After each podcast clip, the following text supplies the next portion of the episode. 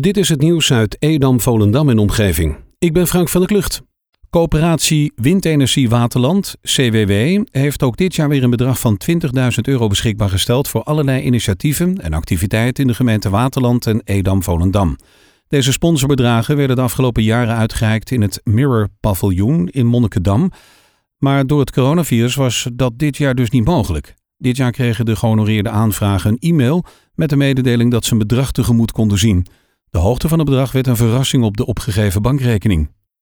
De provincie vergoedt voortaan minder landbouwschade die is aangericht door ganzen. Waar de provincie tot nu toe 95% van de schade vergoedt, is dat vanaf volgend jaar maar 80%.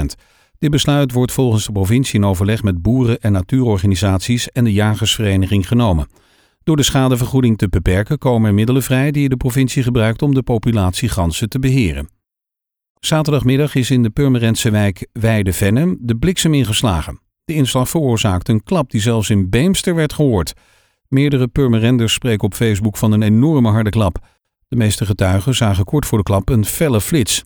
Waar de bliksem exact is ingeslagen is niet bekend. Een woordvoerder van ProRail kon niet bevestigen dat de bliksem in een bovenleiding was ingeslagen. Wel stelde hij dat het treinverkeer in ieder geval geen hinder van de inslag ondervond. Veel mensen melden problemen met apparatuur als gevolg van de inslag. Vanaf vandaag tot en met vrijdag 12 juni wordt de meerzijde in Volendam opnieuw bestraat. De weg is dan afgesloten tussen de nummers 2 tot en met 9 in Volendam. FC Volendam supporters die hoopten dat Francesco Antonucci nog een seizoen bij de club zou voetballen, worden teleurgesteld.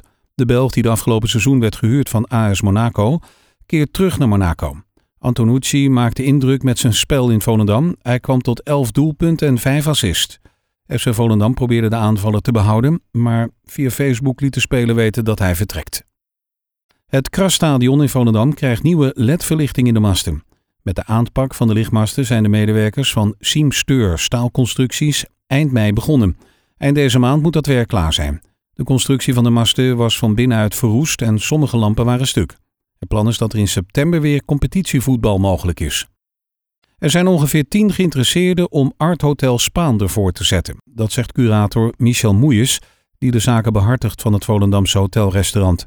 Er zijn partijen die de huur en de exploitatie op zich willen nemen, maar ook kandidaten die alles willen kopen.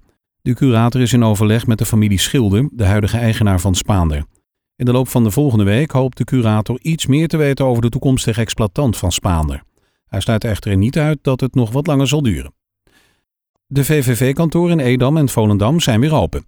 Nu er versoepelingen zijn doorgevoerd, kunnen de kantoren voor de toeristeninformatie weer geopend worden. Het VVV-kantoor Volendam in de Zeestraat 37 was afgelopen weekend al open. Hier kunnen de toeristen en inwoners dagelijks van 10 tot 5 terecht. De VVV Edam op het Damplein gaat vandaag open. Binnensport is vanaf 1 juli weer toegestaan. Dat heeft het NOC-NSF te horen gekregen van het ministerie van Volksgezondheid. Deze versoepeling rond de coronamaatregelen zorgen ervoor dat handbalvereniging Kras Volendam de zaal van de sporthal binnenkort weer kan betreden. Voor jeugd tot en met 18 jaar is het inmiddels al toegestaan om buiten te sporten. Zo worden er al trainingen aangeboden op het veld van voetbalvereniging RKAV Volendam. Handballers van 19 jaar en ouder mogen ook buiten sporten, maar moeten nog altijd anderhalve meter afstand houden. Naar verwachting mag ook de kantine van sporthal Opperdam vanaf 1 juli weer open.